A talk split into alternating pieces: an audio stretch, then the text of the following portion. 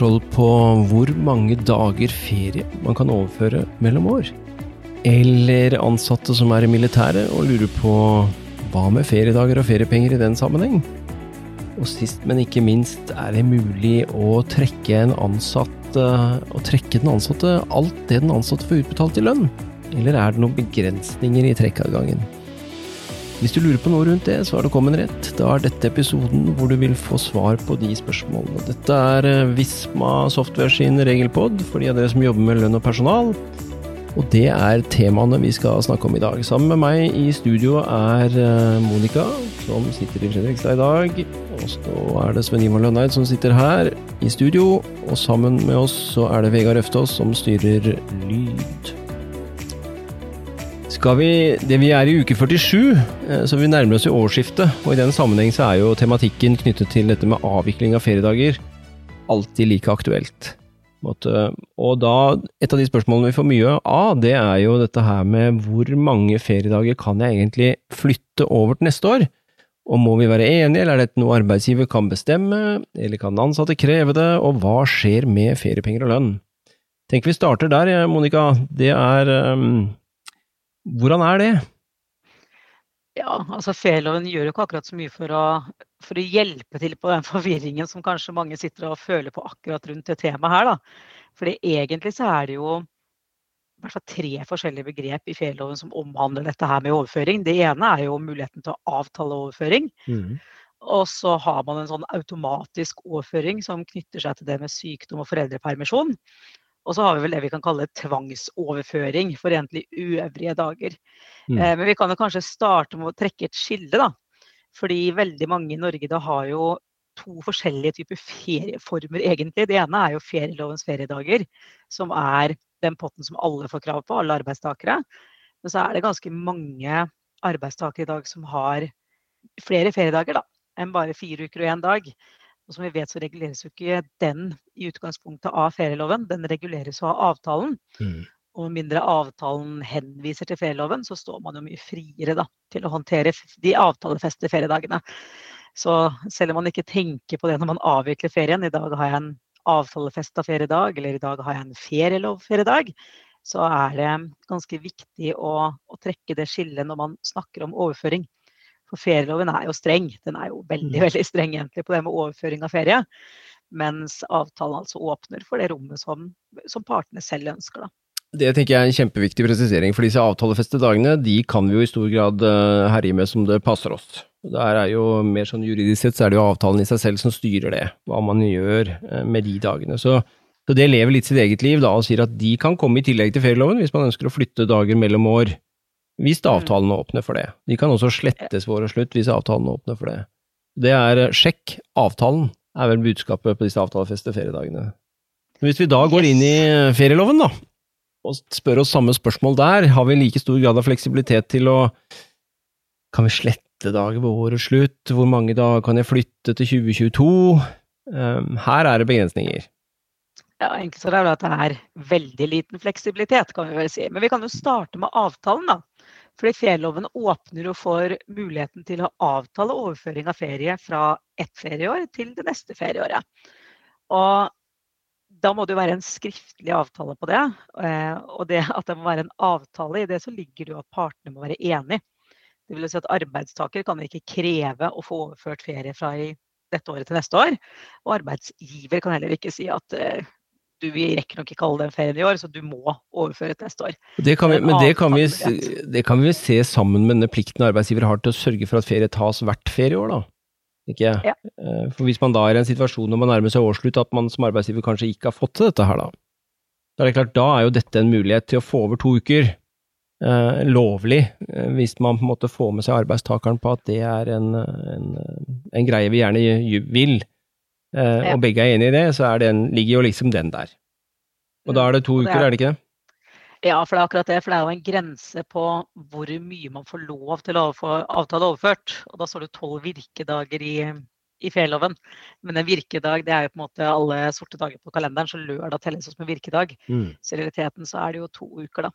Mm. Og det som vi ser av og til på en måte misforstås litt når arbeidstakerne kommer opp i en viss alder. For når de kommer til 60 år, så får de jo litt ekstra ferie. Da får de i utgangspunktet en uke ekstra ferie. Og noen tror at da åpnes det opp for en enda mer overføring til neste år, da. Men sånn er det ikke. Det er uavhengig om man har fire uker og én dag etter ferieloven, eller om man har denne tilleggsferien Mm. på toppen her pga. alder, så er det fortsatt to uker som er det man kan overføre fra et ferieår til det neste. Mm. Det tenker jeg er eh, Det er hovedreglene, det er ikke noen endringer. Sånn har det vært eh, så lenge jeg kan huske, eh, i forhold til disse to ukene. Men hvis vi flytter oss til neste variant, da, når vi på en måte står der og kanskje har mer enn to uker igjen som vi ikke har avviklet, eh, så er det hva skjer da? Ja, og det er på en måte her vi må, må splitte de to deler. Da fordi det, da kommer jo spørsmålet hvorfor har du feriedager igjen?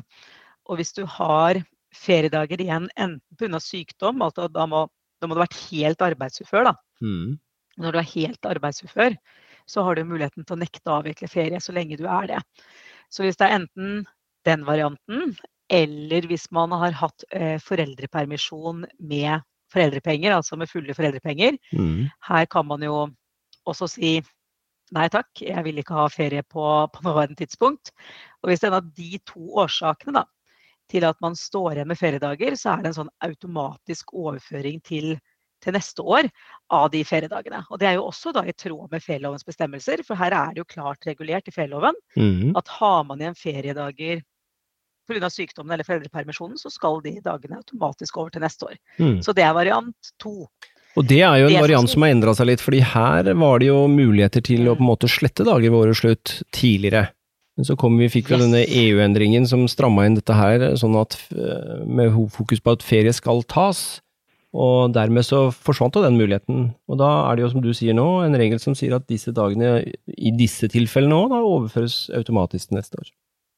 Ja, og det bringer oss endelig ganske naturlig over på alternativ tre, som er denne tvangsoverføringen. Fordi de to tilfellene vi har sett på nå, da, det er jo overføring som er i tråd med ferielovens regler. Altså man bryter ikke ferielovens bestemmelser ved å overføre på den måten her.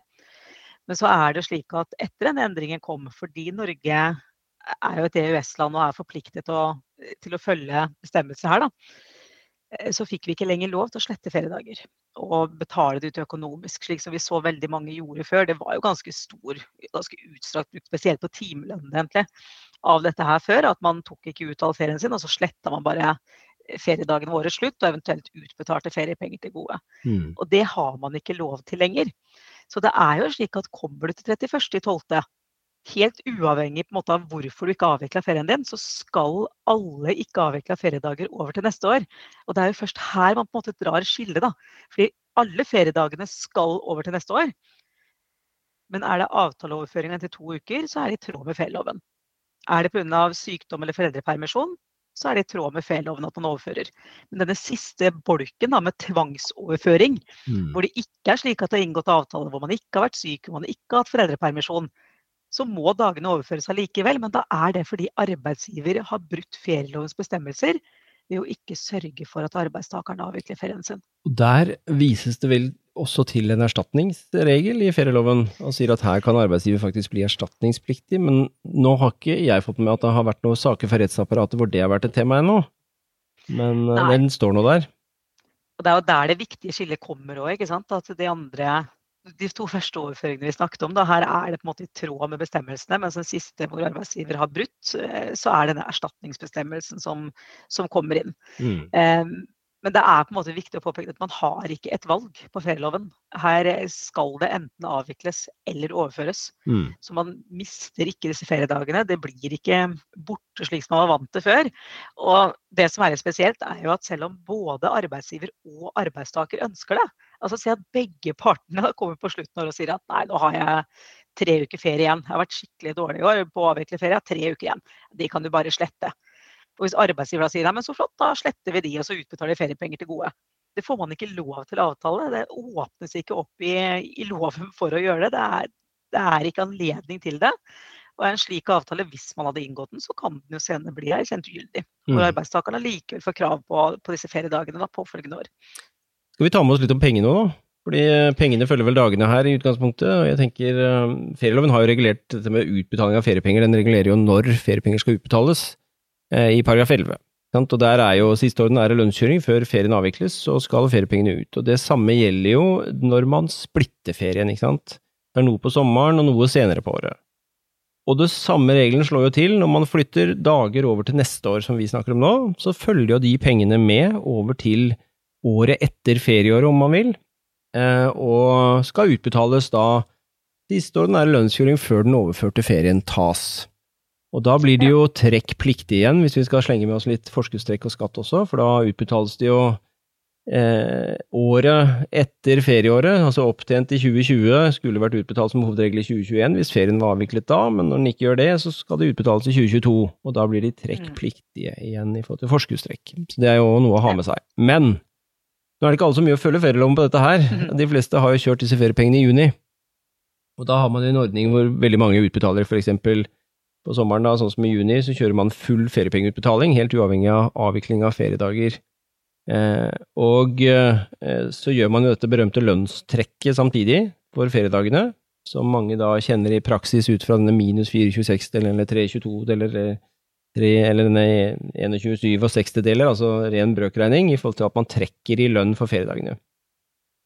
Da skal jo selvsagt det er jo det beløpet man trekker hvis dette skjer i juni, som da skal utbetales når arbeidstakeren avvikler ferie senere, enten det er på høsten samme år, eller om det er neste år.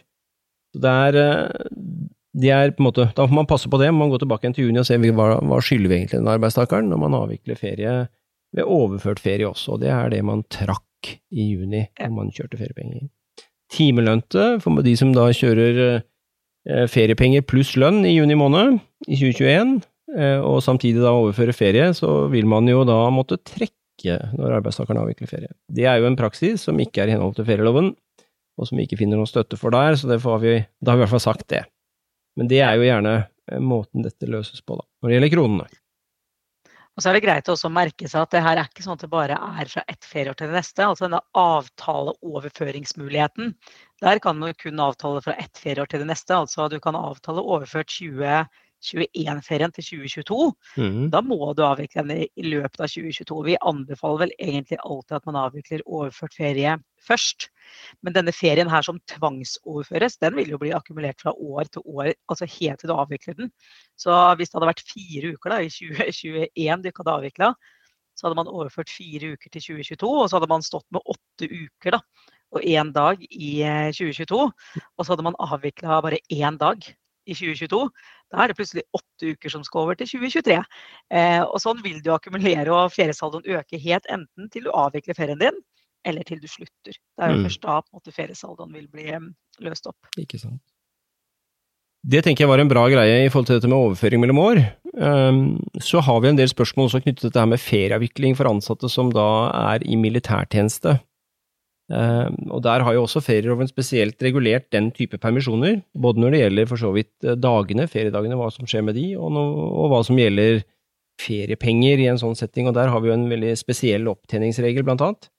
Uh, men la oss begynne med dagene, med dagene, Monica. Hvordan er det når du har arbeidstakere som er ute i militærtjeneste?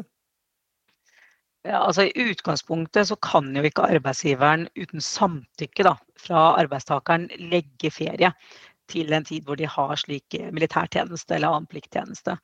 Eh, og det kan jo også være Heimevernet, det kan være Sivilforsvaret, det kan være repetisjonsøvelse i Forsvaret, det kan være sånn førstegangstjenesten. Altså det kan være mange alternativer på det. da. Mm. Men utgangspunktet er at arbeidsgiver kan ikke uh, uten samtykke legge ferien til det tidspunktet. Og hvis det allerede er gjort, eh, sier man har fastlagt to uker ferie da, for arbeidstakeren, og så blir man kalt inn til HV-tjeneste. Eh, mm. Da er det slik at faller plikttjenesten sammen med allerede fastsatt ferie, så kan arbeidstakeren kreve utsettelse um, av de virkedagene hvor plikttjenesten da har blitt utført. Mm. Så man får mulighet til å utsette. Men det er jo én ting som er litt viktig å merke seg. Og det er jo når arbeidstakeren ut, um, utfører sånn førstegangstjeneste i Forsvaret da er jo det, ganske, det, det, er ganske langt fravær. Da er det jo ikke snakk om en uke eller tre, det er ganske langt fravær. Mm. Og da sier man at uh, her har arbeidsgiver muligheten til å legge feriefritid til ett år. Hvor arbeidstakeren utfører førstegangstjenesten. Så hvis den f.eks. går i halve 2021 og halve 2022, da, mm. så kan man legge ferien til ett av disse årene hvor førstegangstjenesten blir utført. Mm. Det tenker jeg er ryddig. Men hvordan er da, hvis vi flytter oss til opptjening av feriepenger ved militærtjeneste, da? Der er det jo en særregel hvor man på en måte kan opptjene feriepenger også fra arbeidsgiver selv når man er fraværende i permisjon. Ja, Den er litt spesiell, og den er ganske viktig for arbeidsgiverne å tenke på den nå. da, Når vi nærmer oss ferieårets slutt. Da Er det noen som har vært i den type tjeneste hvor man skulle ha avsatt feriepenger, kanskje ikke har gjort det? Mm. Um, det er jo noen vilkår, da. For det første så må jo arbeidstakeren må jo minst ha jobbet der i tre måneder hos en arbeidsgiver. Uh, og har man det, så vil man som utgangspunkt da opptjene seg feriepenger hos arbeidsgiveren hvis man har ulønna fravær enten pga. pliktig militærtjeneste eller pliktig tjeneste i Sivilforsvaret eller i Heimevernet. Mm. Så altså enten pliktig militærtjeneste i henhold til forsvarsloven da, eller eh, eller Heimevernet. Men det er ikke for hele perioden. Det er opptil tre måneder til sammen i hvert opptjeningsår. Så er vi tilbake til den personen igjen da, som hadde si førstegangstjenesten i halve 2021 og halve 2022. Der kunne jo arbeidsgiveren legge ferie til ett av disse årene, mm. men man mhm. vil jo opptjene eh, feriepenger i til sammen tre måneder eh, hvert opptjeningsår. Da, så, så da har man på en måte seks måneder mens man er i perm militærtjeneste her, som går inn i type feriepengegrunnlag? Ja. Um, det man også skal merke seg her da, det er jo et, også et vilkår på en måte når man kommer tilbake eh, fra militærtjenesten. Det er mm. også greit å merke seg at arbeidstakeren må jo komme tilbake i jobb hos arbeidsgiveren. Eh, og hvis de ikke kommer tilbake i jobb etter, måtte, etter fraværet pga. militærtjenesten, da, så kan man ikke kreve feriepenger. Med unntak eh, hvis det er arbeidsgiver som har gått oppsigelse, eller hvis det er helsemessige forhold da, som mm. gjør at de ikke kommer tilbake til jobben. Det er jo et poeng å merke seg for arbeidstakere som er militære også. ikke sant? At de, um, dette er jo et godt argument for ikke å si opp stillingen sin men faktisk mm. Eh, tiltre igjen uh, etter eller militærtjenesten for å få med seg denne rettigheten her. Og så får vi jo ganske mye spørsmål på men de har jo ikke vært på jobb.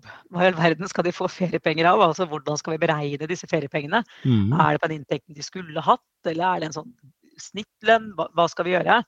Og det gir jo egentlig ferieloven svaret på, for eh, feriepengene den utregnes da på grunnlag av sykepengegrunnlaget som arbeidstakeren hadde den dagen som man startet permisjonen. Så det er jo også løst da, i, eh, i ferieloven hvordan dette skal håndteres. Mm. Den tror jeg mange ikke er helt uh, klar over, rett og slett det virker sånn. Eh, så det er nok, og her er det mange arbeidstakere også, ikke sant, som ikke er klar over det. Spesielt unge arbeidstakere som ikke er oppmerksomme på det. Mm. Så det er jo egentlig noe som arbeidsgiver da, må holde fast i og, og håndtere korrekt. Mm. Ja, bra. Da tenker jeg ja. Bra oppdatering på det. Da har vi svart. Men vi trenger ikke å slippe helt feriepengene, da. Nei. Eh, for jeg tenkte kanskje vi kunne snakke litt om det med trekk også. Ja. Altså, da tenker jeg trekk både i lønn og feriepenger, for det er jo ganske strengt regulert i arbeidsmiljøloven. Eh, men man kan jo f.eks. lage en skriftlig avtale på det. Man har jo i noen muligheter eh, så går det da å trekke i lønn og feriepenger. Mm. Men det er vel noen begrensninger her som vi kanskje bør nevne litt i forhold til dette med trekk i lønn og feriepenger. Det er det. Vi, forbud, det er jo et forbud. Eh, for at, altså, man, dette med forutsigbarhet i forhold til hva man skal få utbetalt i lønn, det er utrolig viktig. og Sånn sett så er hovedregelen etter arbeidsmiljøloven at man ikke har noen trekkadgang. Eh, unntatt i de tilfellene du er innom, hvor den, lov, den paragrafen på en måte ramser opp når du kan trekke. Lovbestemte trekk, eh, skriftlig forhåndsavtale, ikke sant, som vi har snakket om før. Eh, dette med, med, når det på forhånd er eh, trekkadgang i forbindelse med tariffavtale for medlemskontingent til fagforening, erstatningsregel finnes jo her, og, og dette med arbeidskamp, streik, lockout er også regulert som en mulig trekksituasjon, hvor man har lov til å bruke den oppgjørsmåten, da. Så det er liksom der vi står. Men så er det jo, som du sier òg, får vi spørsmål noen ganger, ja, men hvor mye kan jeg trekke en arbeidstaker i lønn og feriepenger, da? Og der finnes det faktisk en begrensning i arbeidsmiljøloven, som i dag står i 1415 nummer 3, som vel fra første i første blir i 1415 nummer 4, fordi vi får inn en ny regel her. Eh, men, eh, og den sier at man kan ikke trekke mer enn det man med på en måte den ansatte skal sitte igjen med det man trenger til under, altså med rimelighet trenger til underhold for seg og sin husstand. Det er det vi kaller denne livsstandardbegrensningen, eller eh, trekkbegrensningen. Og den er ikke like enkel, for dette er jo noe arbeidsgiver skal skjønne på, da. Mm. I forhold til hvor mye skal man sitte igjen med, da. Og det er jo det er ikke bare helt enkelt, og vi får ikke noe mer veiledning i lovteksten her. Eh, Så det skal jeg si to ord om, tenkte jeg. Eh, det som er verdt å merke seg før vi går inn i det, det er jo at denne trekkbegrensningen hvor arbeidsgiver er inne og skjønner på dette her, den gjelder jo ikke i alle tilfeller. Den gjelder kun der man trekker med grunnlag i dette med skriftlig forhåndsavtale, ikke sant, ved feilutbetaling eksempel, eller der denne erstatningsregelen kommer inn, eller ved såkalt arbeidskamp, altså arbeidsstenging eller arbeidsnedleggelse, streik eller lockout. Det er kun i de situasjonene at man skal gjøre sånn, eh, et sånt skjønn. Eh, når de andre grunnlagene måtte er der, at man trekker på grunn av at det er et lovbestemt trekk, sånn som det trekker etter skattebetalingsloven og forskriften, og, rundt dette med forskuddstrekk for eksempel, da skal man trekke eh, hele tiden det man er pålagt å trekke. Da gjør man ingen eh, skjønnsmessig begrensning. Det er viktig ja. å ha med seg. Den skjønnsmessige vurderingen, det er jo kanskje greit å nevne at det er jo en grense på hva man krever av arbeidsgiver. altså Man krever jo ikke at en arbeidsgiver foretar en sånn fullstendig analyse av arbeidstakerens økonomiske situasjon. Så det er jo på en måte det er, Ja, det er en skjønnsmessig vurdering, men det er jo noen grenser for hvor langt da, dette skjønnet for arbeidsgiver trekkes. Mm, det er helt riktig. Og vi har eh, utenfor arbeidsforhold, da, så er vi over i dekningsloven bl.a., som har litt av samme type avgrensning. sånn at og, er samme, den er like relevant i arbeidsforhold etter den regelen vi ser på, sånn at man bruker gjerne å skue litt hen dit, og hva er sagt rundt denne begrensningen i den sammenheng. Og Hvis vi går inn i det, så finner vi at det er faktisk finnes en forskrift eh, som er gitt i hold til denne gjeldsordningsloven, som heter Forskrift om livsoppholdssatser for utlegg, eh, som kan være et greit verktøy å på en måte starte med, da, fordi den har noen eksplisitte satser, altså kronesatser, som den oppgir knyttet til skyldneren og skyldnerens husstand, altså hvor mange har man forsørgerbyrde for, er man enslig, er man gift, samboer, altså hvor mange barn man har. Og Da får man eksplisitte beløp som da angir noe om hva man antar kan være et greit utgangspunkt for å, hvor mye man skal sitte igjen med, faktisk, eh, og, og ha å leve for, per måned gjerne. Eh, det, men det er ikke noe annet enn et utgangspunkt, så man skal liksom ikke lese dette helt slavisk, men man kan gjerne starte der, med disse satsene, som dere finner i denne forskriften som jeg nevnte. Um, og så har, jo, har, vi hatt en del saker også om hvilke utgifter på en måte er relevant å ta hensyn til da, i, i denne sammenhengen. Uh, for det skal jo være kun rimelige utgifter til livsopphold som man skal regne med når man skal sitte igjen med, ikke sant?